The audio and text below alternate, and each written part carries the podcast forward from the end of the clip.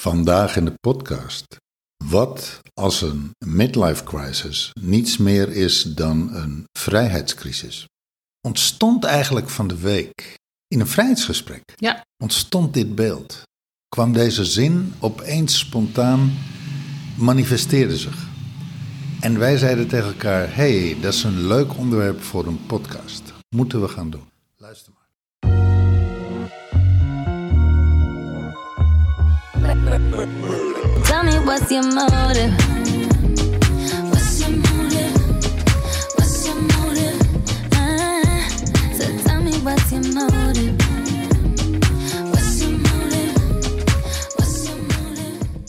Bij de afstemming net kwamen er twee beelden naar me toe.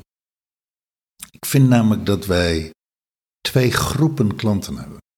We hebben jonge vrouwen, zo rond de 30, zeg maar tussen de eind 20, 35, zo. Die categorie hebben we. Misschien ietsje ouder, richting de 40. En dan hebben we een duidelijk oudere groep vrouwen, zeg maar tussen de 50 en de 60. Zo ongeveer. Ja, klopt. En ik zie dat ze allebei. Ik zag opeens dat ze allebei een verschillende beweging maken naar het leven. De jongere vrouw maakt eigenlijk een uitreikende beweging naar het leven. En ontdekt zichzelf aan het leven buiten haar.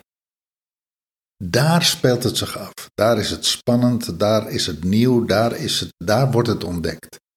Buiten haarzelf. Dus die maakt een uitrekende beweging naar buiten, naar de wereld. En de andere vrouw, de, En komt daar dan van alles in tegen? nou ja, leert nogmaals, leert zichzelf kennen en leert Ja. zichzelf definiëren aan eh, de wereld. Mhm. En, en alles wat, hè, alle dynamieken, sociaal en interactief en whatever. En dan heb je de vrouw die de 50 gepasseerd is, of tegen de 50 aanloopt. Die maakt eigenlijk een uitreikende beweging naar binnen, naar zichzelf. Ja, mooi. En die ontdekt zichzelf aan zichzelf. Hm. En dat zijn, wij zien dat ook altijd, dat zijn twee totaal verschillende bewegingen. Ja. Nou ja, en bij die tweede groep, bij, de, bij die oudere vrouwen, daar is het ook altijd het moment van, ik heb mijn eerste helft van mijn leven heb ik er nu op zitten. Hoe ga ik de tweede helft van mijn leven invullen? Dat je gevoelsmatig, dat zit niet altijd op de, le- op leeftijd, maar gevoelsmatig heb je, heb je nog net zoveel te leven. En dan is de vraag van, Hoe? hoe wil ik op deze manier doorgaan zoals ik dat het eerste helft van mijn leven heb, inge- eh, heb ingevuld? Of hoe dat mij is overkomen. En dan zie je vaak, en dat zagen we ook weer in het vrijheidsgesprek afgelopen week, van, ehm, nou ja, weet je, misschien is het ook een midlife crisis. En, en het Werd, werd gezegd als grap. ja, dat- ja, dat wordt meestal gezegd als grap. En, en dat was. ehm, en toen zeiden wij, zeiden wij eigenlijk vrij vlot zo van, nou ja, wat als deze midlife crisis, als dat gewoon simpelweg een vrijheidscrisis is, dan benader je hem heel anders en dan is de outcome ook direct heel anders. Maar die midlife crisis, daar wil ik nog heel even bij stilstaan, want daarvan doet men altijd een beetje lacherig van. Nou ja, weet je, dat gaat vanzelf over. En eh, nou ja, weet je, de, eh, geef het wat tijd. La- laat het wat uitrazen. Ehm, bij de vrouwen is het hormonen en is het op een gegeven moment de overgang. Dat is wat lastiger, want het duurt wat langer. Maar bij die, bij die mannen, nou, weet je, die moet je gewoon wat, wat, wat laten uitrazen. En dan is het voor, vanzelf gaat het over. Als je kijkt naar de onderstroom, Precies. Dan zie je eigenlijk dat de verlangen, of zelfs de, de beweging, het is bijna een voortstuwende beweging. Dat, dat- komt een soort van diep van binnen en je wordt gewoon voortgeduwd.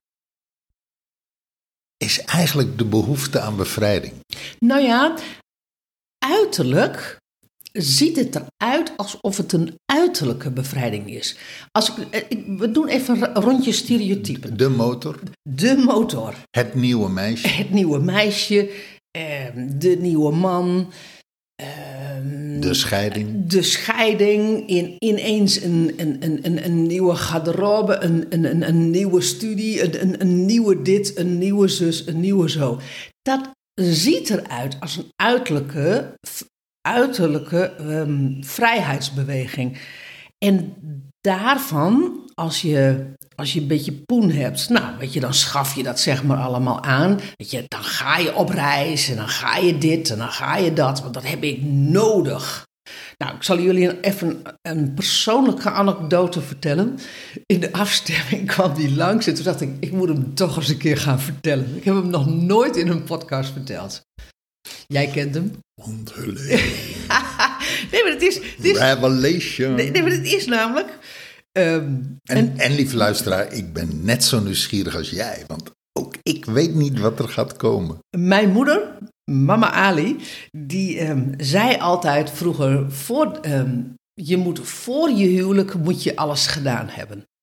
Met andere woorden, daar moet je met andere, in mijn geval, met andere mannen gevreden hebben. Je moet, ehm, je moet dus je relaties gehad hebben. Je moet de wereld in zijn geweest. Je moet ook meerdere relaties gehad hebben. Dus je moet de smaken van mannen, zeg maar, kennen.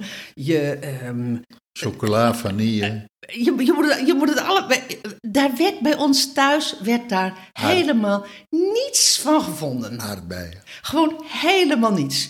Ehm, wilde je reizen, lieverd, dan ga je reizen. Moet, heb je geld nodig om, om, om te reizen?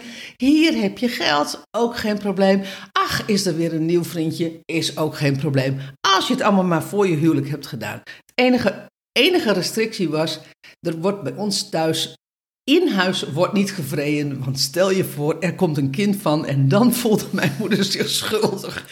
Verantwoordelijk. ja, dat was zich verantwoordelijk en dan voelde ze zich schuldig dat zij dat had veroorzaakt. Nou, lieve luisteraar, ik kan je verzekeren, ze kwam niet in mijn slaapkamer. Maar de, de boodschap was, er wordt hier niet gevreden met vriendjes. Doe het maar in het bos, doe het maar ergens anders. Graag zelfs voor het huwelijk moet je het allemaal doen. Want waarom moet dat voor het huwelijk allemaal? Want als je dat niet gedaan hebt, dan ga je op een moment in je huwelijk, moet je je jeugd inhalen. Want dit hoort bij de jeugd. En dat zie je natuurlijk heel veel bij, dat beeld kwam terug. Ik heb dus in ons huwelijk, ik, ben- ook op mijn 39ste, dus in die zin ben ik ook wat redelijk laat getrouwd. Maar ik heb, daarvoor heb ik ook een relatie gehad. Ik heb in relaties nooit de behoefte gehad om, eh, om andere smaken te proeven. Omdat ik maar één smaak voor, voor het huwelijk had gehad. Eh, weet je, dat is die midlife crisis, want dat hoort is namelijk ook, dat zie je ook vaak bij een midlife crisis, die, dat, dat stuk is aan mij voorbij gegaan. Gewoon simpelweg omdat ik het, omdat ik het zeg maar gedaan heb waar gemiddeld dat de, de leeftijd voor is. Je ziet, je ziet ehm, eh, mijn moeder zei dus altijd van, eh, anders moet je je jeugd inhalen in je huwelijk en daar gaat je huwelijk van naar de galamissen. Daar was ze heel beslist over. Na alle drie kinderen. Wijze vrouw. Ehm, en dat was, nou ja, ik ben van 1960, dus eh, re- reken maar uit. Ehm, dat, daar was ze ook bijna gewoon streng in, gewoon, weet je. Eh, het was gewoon bijna niet mogelijk als je één vriendje had gehad. Je werd bij gewoon aan een ander ged- geduwd. Want je moest proeven voor het huwelijk. Proevenkring. Ja, leuk. Ja, nee, maar, maar, maar als je naar de onderstroom van dat verhaal gaat. Want ik vertelde dat natuurlijk wel aan mijn vriendinnen. Nou, en ik had echt vriendinnen die dat heel raar vonden. Die mijn moeder in dit stuk heel erg raar vonden. Gek genoeg begreep ik het als kind, begrepen wij het alle drie als kind. Heel erg goed waar ze het over had. Waar ze het in de kern over had. De manifestatie was af en toe een beetje gekkig. Maar in de kern wisten we allemaal dat het klopte. Terug naar die midlife crisis. Ik zie dat heel veel daarna heel veel dat uitfrieken als zijnde een uiterlijke vrijheidscrisis. En dat er ook naar wordt gekeken als een uiterlijke vrijheidscrisis. Nou, weet je, gun hem die motor dan maar. Gun haar dan maar een keer een vakantie met een vriendin. Gun haar, haar dat dan maar. Terwijl in de kern, en dat is wat we dan tegenkomen, zo'n vrijheidsgesprek, gaat het over de innerlijke vrijheidscrisis. Nou ja, die enorme behoefte eigenlijk om te breken uit dat, ja, ik zou bijna zeggen, maliënkolder. Wat een eh ouderwets woord. Dat is een ouderwets woord, papa. Har, harnas. Harnas. Nou ja, het is een harnas van gewoontes. Het is een harnas van. Nou, weet je wat ik Zo is het leven. keurigheid. Braafheid, keurigheid, eh, aangepastheid. En dat is ook dat harnas van. Ik zorg niet voor mezelf, ik zorg voor een ander. Poef. Dat is een, eh, sterk plaatje. Ik, eh, ehm, is het uiteindelijk, Briant, als je naar dit plaatje kijkt, is het niet in de onderstroom dat je loyaal bent aan papa of mama? Zie mij, hoor mij, herken mij, erken mij. En dat je daarvoor nog altijd aan het werk bent, zoals wij dat dan zeggen. Ja, dat. Dat is er absoluut. En dat je daar dus dan heel erg je best voor doet. En dat het dan uiterlijk eruit ziet dat je misschien hu- huisje, boompje, beestje he- hebt. En dat het allemaal heel erg keurig is. En, en dat het heel, heel erg klopt in, nou ja, weet je, in het milieu waarin je, waarin je zit. Maar in de onderstroom gaat het volgens mij over dat je niet loyaal bent naar jezelf, maar dat je loyaal bent naar iets of iemand in de achtergrond. Exact. Dat is precies wat er aan de hand is. Dat is, dat, dat, dat is natuurlijk. En, en vandaar ook het woord vrijheidscrisis. Ja, Want uiteindelijk gaat het over je bevrijden uit die loyaliteit, uit die verstrikking. maar dan is het zo interessant. Dat vond ik namelijk zo ehm, interessant na het vrijheidsgesprek. Weet je, wij zeggen in zo'n vrijheidsgesprek, overigens, eh, dat vrijheidsgesprek is, is altijd, eh, wordt altijd gehouden in het kader van ehm, wil je met ons werken of wil je niet met ons werken, in het kader van het jaarprogramma. En het jaarprogramma wat 17 januari alweer begint, dus in die zin hebben we op dit moment vrij veel vrijheidsgesprekken. I own my greatness. Ja, en, ehm, maar dan zeggen we eigenlijk heel logisch, want want het klopt ook precies, zo van, hè, als zo'n opmerking wordt gemaakt over midlife crisis, en dat we dan zeggen van, maar is dat eigenlijk niet een vrijheidscrisis? En dan gebeurt er daarna, na dat vrijheidsgesprek, dan ontstaat er een lijntje in mijn hoofd. Dat ik denk van, hoe anders zou zou de wereld zijn. Ik, en ik, ga, ik maak hem bijna expres zo groot, of niet, ik maak hem zo groot. Dat als je iedere midlife crisis zou benaderen zelf, maar ook door je omgeving, zo van dat het een vrijheidscrisis is. Welke onvrijheden ervaar je op dit moment? Welke, en of dat nou waar is of niet voor jou. Want als, als jij in zogenaamd zo'n midlife crisis zit, dus in zo'n vrijheidscrisis zit, dat ik jou de vraag kan stellen van. Ga eens op, of, of als je op zoek gaat naar de onvrijheden in jouw leven, welke, welke zijn dat? En dat je vrij mag antwoorden. Dat je vrij mag uitvinden welke onvrijheden er zijn. No matter what. En dat je dat kan zeggen. En dat ik dan niet gelijk hoef te zeggen. Nou, dat, is- dat, dat, nou weet je, dat is geen onvrijheid. Weet je, dat, dat, dat, Valt wel mee. dat valt wel mee. Of je kan toch Zo, alles. zo is het leven nou eenmaal. Of je kan toch, wij kunnen toch alles tegen elkaar zeggen in de relatie. Wat niets met vrijheden te maken heeft, deels. Maar, ehm, maar je kan je nog steeds onvrij voelen in je relatie. Maar dat dus iedereen dat gaat benaderen van... Oké, het is dus, je zit dus in je vrijheidscrisis. Mooi, want het is namelijk een vrijheidscrisis, is een fantastisch moment in je, ja, in je zelfontwikkeling, in, je, ja, ja, in, in het worden van wie jij bent. Major kans. Een major kans. En een, zoals een middel... Maar, maar alleen, alleen een major kans als je hem aanvliegt vanuit innerlijke bevrijding. Ja, want, en, en dat is niet. Dat, dat, dat is niet het verhaal van Omo ehm, adviseert Omo. Dat is een, het is een andere uitdrukking, maar ik weet hem even zo niet. Omdat deze podcast nu eenmaal de reis naar innerlijke bevrijding heet. Maar het is letterlijk, ga echt maar na. Naar alle mensen die die midlife crisis in jouw omgeving hebben gehad. Dat gaat ultiem over die vrijheidscrisis, over die innerlijke vrijheidscrisis. Niet Ik- over de, buitenlijke, de uiterlijke. Ik kijk naar mijn eigen midlife crisis. En die, eh, ik zat vet in een, in een burn-out. Ja, ik moest even denken van wanneer had je hem? Ja. Ik zat vet in een burn-out. Dat Ja. was ongeveer tussen 2005 en 2010.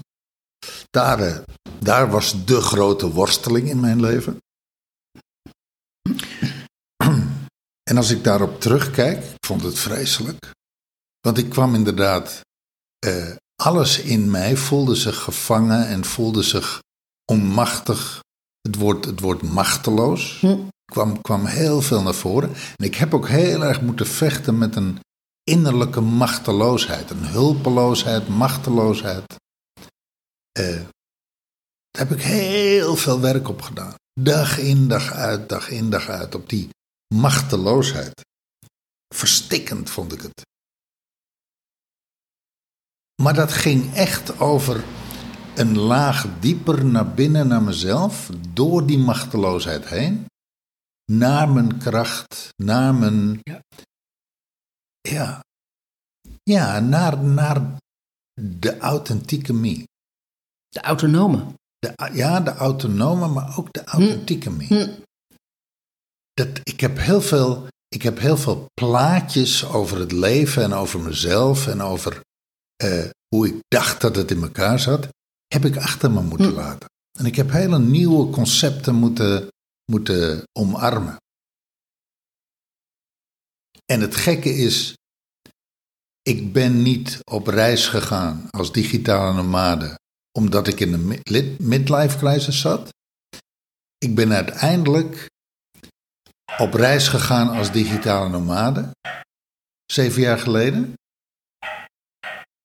Dat was het resultaat van die innerlijke bevrijding. Hm. Hm. Ja, Ik, ik durfde dat, ik kon dat, Ja. ik mocht dat, ik wilde dat. ja. Daar zat innerlijke veiligheid, daar zat in- innerlijke vrijheid. Ja, tot op zekere hoogte. Ja, ja, oké. Want, want eh, Voldoende om die stap te nemen. voldoende om die stap te nemen. Want als je het hebt over innerlijke vrijheid en innerlijke veiligheid, dan heb ik daar, nou ja, je was erbij, je weet er alles van. De afgelopen zeven jaar hebben, hebben wij samen daar waanzinnige stappen in genomen. Sterker nog, daar hebben we een heel concept over ontwikkeld. Ja. Dat, is, dat is heel erg een, een methodiek geworden van waaruit we werken Ja, ja, klopt. innerlijke bevrijding. Van, en, en je bevrijden eigenlijk van de innerlijke onveiligheid. Maar even terug naar dat moment dat je zegt van rond die 2010. d- Dat je, dat je in die burn-out zat en dat je dus ook voor de buitenwereld misschien wel in de midlife. eh, Betitelde je dat trouwens als een, ook als een midlife crisis? Nee, heb ik nooit zo gezien. Nee, Heb ik nooit zo heb ik gezien. ook nooit zo gezien. Maar, eh, want ik kocht geen motor, ik nam geen jong wijf, ik deed niet, eh, dat deed ik allemaal niet. Ik ging eigenlijk meteen naar binnen, maar ik kwam meteen op een laag waar ik, het, waar, ja, waar ik mijn leven lang voor weg ben gelopen. Ik kwam meteen op een, op een ja, het- ik zou het bijna willen zeggen, een, een, een, een dode, dorre, ja, weet ik veel, metalen plaat. Waar liep je dan van weg? Als je er achteraf op terugkijkt? Nou ja, van. van, van eh,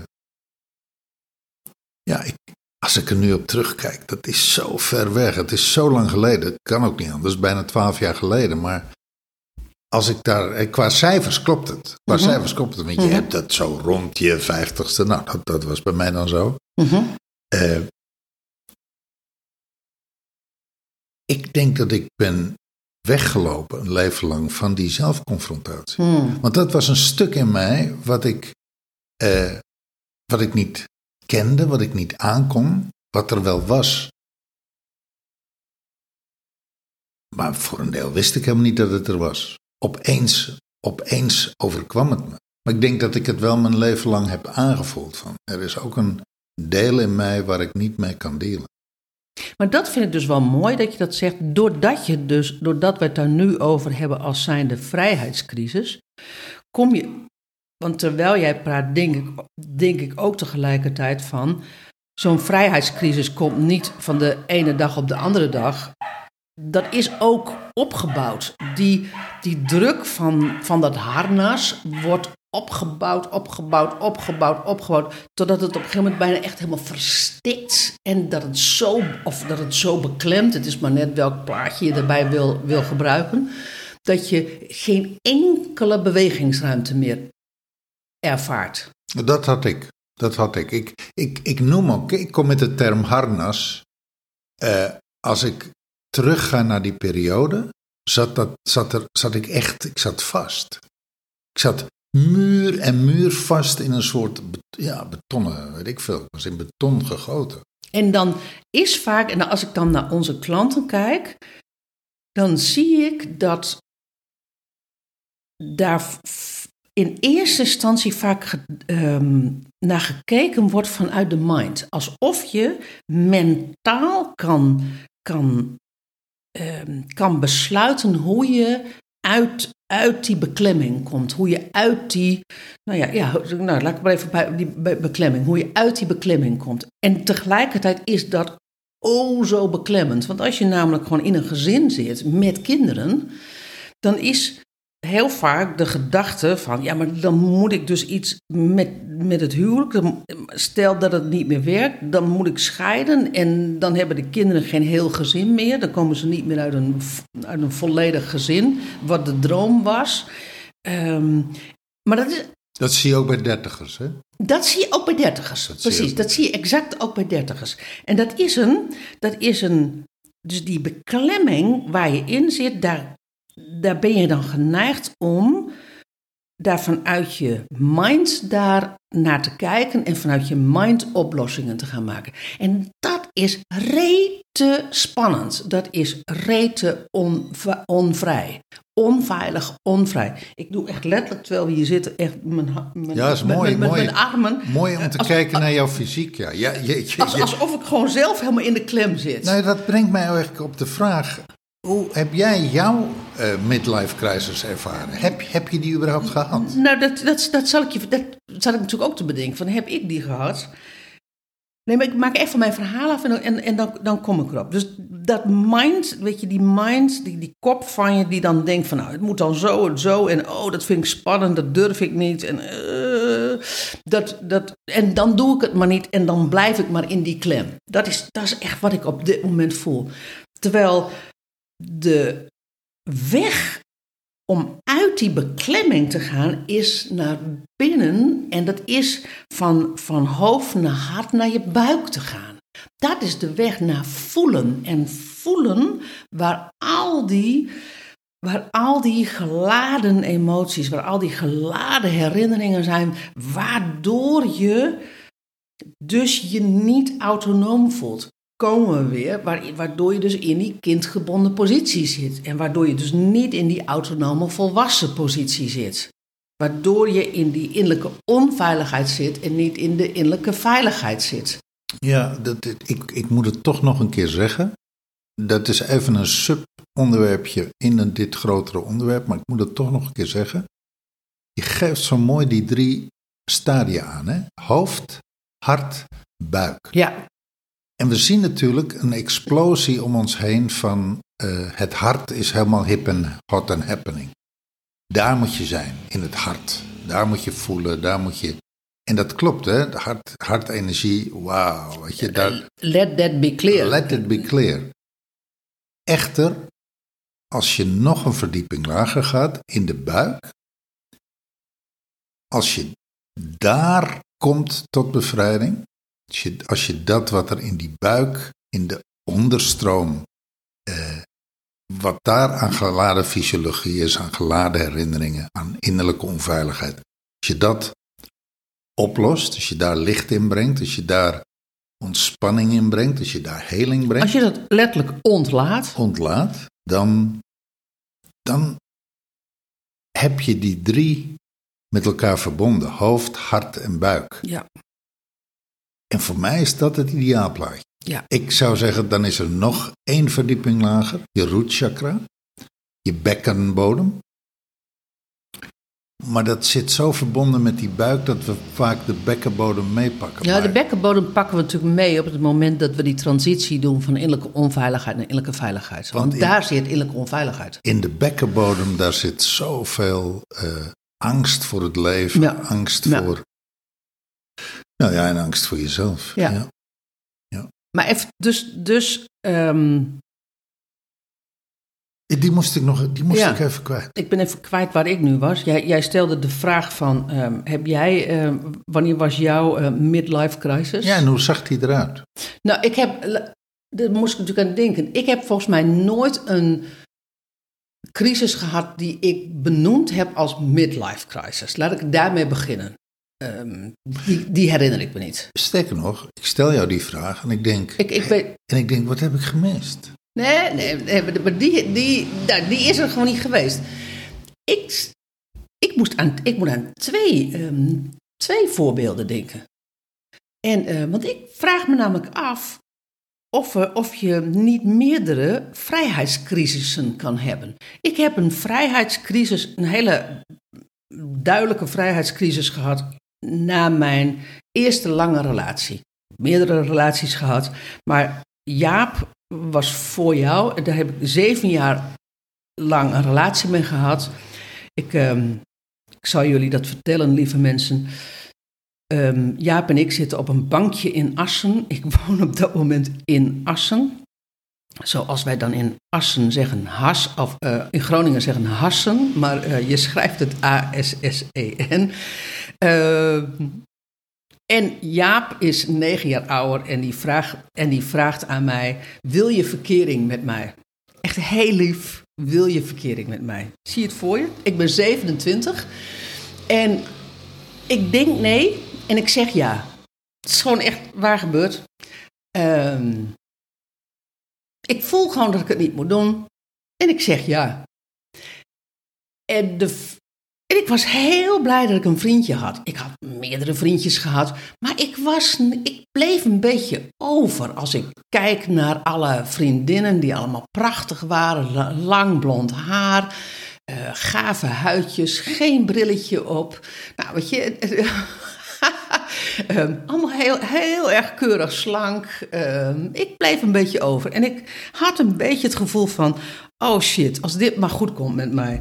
Dus Jaap vroeg mij verkering. En ik zei ja. En de volgende dag gebeurde er iets. Daar ga ik allemaal niet op in. Dat is allemaal allemaal niet interessant.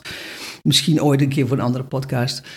Ehm, en toen dacht ik van... Maar dat wil ik helemaal niet. Wat hij nu zegt. En ik weet nog het moment dat ik, dat ik, ik woon op mezelf, dat ik in huis ben en dat hij is er ook. En dat ik denk van, ja, maar ik kan nu niet meer onder deze relatie uit. Letterlijk, hè. Eén dag verkering, get the picture. Ik kan nu niet meer onder deze relatie uit, want ik heb ja gezegd. En ik ben echt super loyaal. Uiteindelijk ben ik zeven jaar lang met Jaap geweest on en off, ehm samen gewoond, niet samen gewoond. En ehm, eigenlijk heel lang niet samen gewoond, glad. Dus in die zin, what's the problem? Ik kan gewoon in mijn eentje verder. Alleen ik kon, ik durfde niet. Ik durfde niet in mijn eentje verder. Ik durfde die relatie niet daadwerkelijk te stoppen. Wij hadden geen kinderen, dus dat was allemaal geen probleem. Maar ik voelde mij zo onveilig in mijzelf. Dat ik niet durfde te zeggen tegen Jaap, this is it. Dat heb ik uiteindelijk, daar heb ik heel veel op gewerkt. Ik heb nooit, die, ik heb, wist toen niks van transities van innerlijke onveiligheid en innerlijke veiligheid. Dus dat heb ik allemaal niet bewust gedaan, want dat wist ik toen niet. Maar ik heb heel erg op die innerlijke veiligheid achteraf gewerkt. Ik ben heel veel in coaching en therapie geweest.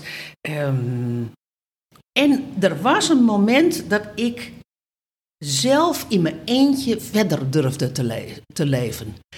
Dat is voor mij, als ik achteraf kijk, is dat wel een vrijheidscrisis geweest. Het is best een lange crisis geweest. Ik heb het natuurlijk ook heel goed gehad hè, met ja, weet je, we hebben allerlei leuke dingen gedaan. Don't you worry. Maar de onderstroom was, ik wil eigenlijk helemaal geen relatie met je.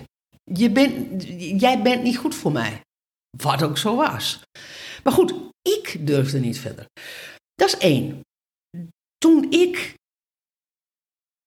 dat beëindigde, die relatie beëindigde, had ik ineens heel veel vrijheid. Ik stond toen op een gegeven moment ook een keer op van wat als ik nog drie maanden te leven heb. En was gewoon in een, in een split second was het antwoord, dan zeg ik mijn baan op, dan verkoop ik mijn huis en dan ga ik in Den Haag wonen in de ashram van Osho. En dat heb ik gewoon binnen een week heb ik dat geregeld. Zo hebben we elkaar ook ontmoet. Niet in de ashram, maar onderweg. Eh, sollicitatiegesprek, want ja, ik moest ook werken. Dus ik, ik deed een sollicitatiegesprek bij Briant. Briant nam mij aan. Briant zag mij en uh, nou, was, was uh, hotel de botel. ik zag jou en ja, nee, maar dat, ik, dat was een iets, iets wat ander verhaal. En tegelijkertijd, ik had echt wel zoiets van: wauw, dit, wat, wat een leuke man. Maar ik was niet bezig met, met een nieuwe relatie. Dat kwam, dat kwam later. Maar dus vanuit die vrijheid die er ineens ontstond, kwam, deed ik ineens allemaal dingen. Was de wereld eigenlijk lag aan mijn voeten. Toen ben ik in de volgende onvrijheidssituatie terechtgekomen. Ik weet niet, even, niet hoe ik het anders moet zeggen. Dat is gewoon de vechtscheiding van jou. En um, dat, heeft, dat heeft heel lang geduurd. Dat is ook voor een deel, is dat gewoon, um, het is niet altijd even um, intens geweest. Intens geweest en even aanwezig geweest, want we hebben gewoon een heel vrij leven gehad. Dus, um, en toch waren daar elementen in waarin ik mij heel erg onvrij voelde. En daar heb ik mij van moeten vrijmaken. En daar heb ik mij innerlijk van moeten vrijmaken. Want ja, weet je, ik ben niet gescheiden. Ik heb geen vechtscheiding. Het is jouw vechtscheiding. Het is, jouw ex. Het is niet mijn ex, hè. Ik had niks met Jaap. Ik had geen, ik had geen kinderen. Dus ik heb Jaap daarna ook nooit meer gezien. Uh, dus, maar goed, ik was getrouwd met jou. En ik voelde mij heel erg beklemd als vrouw van, van, uh, uh, van jou, als vrouw van de vader van jouw kinderen. Ik voelde mij beklemd in mijn vrijheden. Daar heb ik mij innerlijk van moeten vrijmaken. Dat is voor mij het moment geweest om, om toen ik dat toen ik dat op dat punt kwam, dat ik zei van, en nu ben ik er klaar voor om te gaan reizen. Nu ben ik er klaar voor om Nederland uh, te verlaten. Niet als midlife crisis, maar als resultaat van de vrijheidscrisis die ik, die ik had opgelost in mijzelf. Ja, geweldig. Ja, ik heb, ik heb er nooit zo naar gekeken. Maar dat, uh, maar dat is echt waar. Dit, dat was eigenlijk jouw midlife crisis. Ja. Als, je, als je, nou ja, in ieder geval jouw vrijheidscrisis. Dus was mijn vrijheidscrisis. Ik heb het nooit als midlife crisis gevoeld. Want ik heb midlife crisis altijd in verband gebracht met. met Extern. Met uiterlijke vrijheid. Ja. Dus weg uit een relatie, um, een nieuwe auto. Een, weet je, we hebben gewoon. We hebben zo'n rijk financieel leven gehad. Wij deden alles, we konden alles. Nou, weet je, daar, daar hoefde ik gewoon echt. had ik geen midlife crisis voor nodig. Maar die vrijheidscrisis van innerlijke, vrij, van, van innerlijke onvrijheid naar innerlijke vrijheid. Nou, wel degelijk. Ik denk dat die misschien begonnen is toen wij de zaak kwijt zijn geraakt. Toen kwam er een hele bak schaamte en schuld kwam er, kwam er naar binnen. Gesjeest. Om het maar even zo te zeggen. Nou ja, natuurlijk. Weet je, dat is, dat is als je het hebt over eh, innerlijke bevrijding. Doordat we dat hebben doorgemaakt, hebben we ook heel veel doorgewerkt. Ja, ja, En we hebben heel veel van de, de onzin en de bullshit van schuld en schaamte hebben we onderzocht. ja. We hebben het geleefd, we hebben het doorleefd Ja. en we hebben het eh, eh, overleefd en achter ons gelaten. Dus ik zou, ik zou eerder zeggen dat dat mijn twee grote, nou, mijn twee prominente vrijheidscrisissen zijn geweest. Ja, mooi. Mooi dat je die. Zo staan die, zo, zo beleef ik ze ook echt. Ja. Leuk hè? Leuk dat die. Door zo'n gesprek komt dat. Ik bedoel, want ik heb het je nog nooit zo bewust horen koppelen aan elkaar. Dat het jouw bevrijdingscrisis was. Dat is misschien eigenlijk een nog mooier woord. Vrijheidscrisis, bevrijdingscrisis. Ja. Ja, dat, dat zeg jij. Dat vind ik, dat, vind ik wel, eh, dat vind ik wel leuk als je dat zegt. Want ik heb het idee dat ik het hier al heel vaak één met jou over gehad heb. Twee ook in de podcast. Dat is niet, Nee, nee, maar in het kader Maar- van midlife crisis, vrijheidscrisis. Precies, maar omdat dus nu die, ehm, we er een andere term aan geven, ga je dus, en dat vind ik dus de outcome van vorige week, dat die terloopse zin even Ja. langskwam, Ja. Ga je dus, eh, benader je hem dus anders, is de outcome anders, zie je dus ook eigenlijk direct dat het helemaal geen crisis is van uiterlijke vrijheid, maar dat het een crisis is van innerlijke vrijheid. Eh, en dat je dus ook in die crisis absoluut moet gaan kijken en moet gaan voelen waar jouw innerlijke on- onvrijheden zitten. En welke behoeftes je met betrekking tot innerlijke vrijheid ehm, eh, hebt. En dat je dus zo duidelijk die transitie van innerlijke onveiligheid naar innerlijke veiligheid moet maken, omdat na innerlijke veiligheid komt innerlijke vrijheid. Ik, eh, ik heb hem nog nooit zo duidelijk gezien in het licht van een kans. Ja, En dat wordt me eigenlijk in dit gesprek heel duidelijk. De, dat het een enorme kans is om door te pakken. En dat is feitelijk wat wij in dat jaarprogramma I Own My Greatness doen. Weet je, ehm, als je in dat jaarprogramma stapt, dan zijn er gebieden waarin je jezelf klein houdt. Je stapt niet in dit jaarprogramma als je in al die zeven levensgebieden gewoon volstrekt in je, in, in je greatness zit. Weet je, dat is flauwekul. Dat hoef je niet te doen. Je stapt erin als je in, zo, in één of twee gebieden, dat je dat voortdurend maar niet lukt. Weet je, in die business. We werken ook met succesvolle gevestigde onderneemsters die gewoon in hun business gewoon lekker gaan. Dus daar zit, daar zit niet de issue. Zit jij in, zit jij in een midlife crisis? En, en zie je dat voor jezelf op het ogenblik? Dan is dit je kans.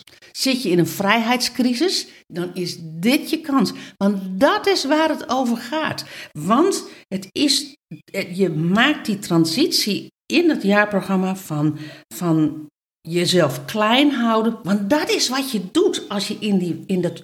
Hè, je zag net wat ik deed. Ik, eh, ik, ik klemde mijn armen tegen, tegen mijn lijf aan. Wat je zegt over dat harnas, dat is jezelf klein houden. Als je daar uit wil breken, je innerlijk uit wil breken en je wil van jezelf klein houden naar, naar greatness, naar je eigen greatness, dat te voelen en op een gegeven moment dat te ownen. En je wil van die innerlijke onvrijheid naar innerlijke vrijheid, van die innerlijke onveiligheid naar innerlijke veiligheid, dan is dit echt, echt het moment om in te stappen. Want Weet je, dat hele programma is er omheen gedesigned.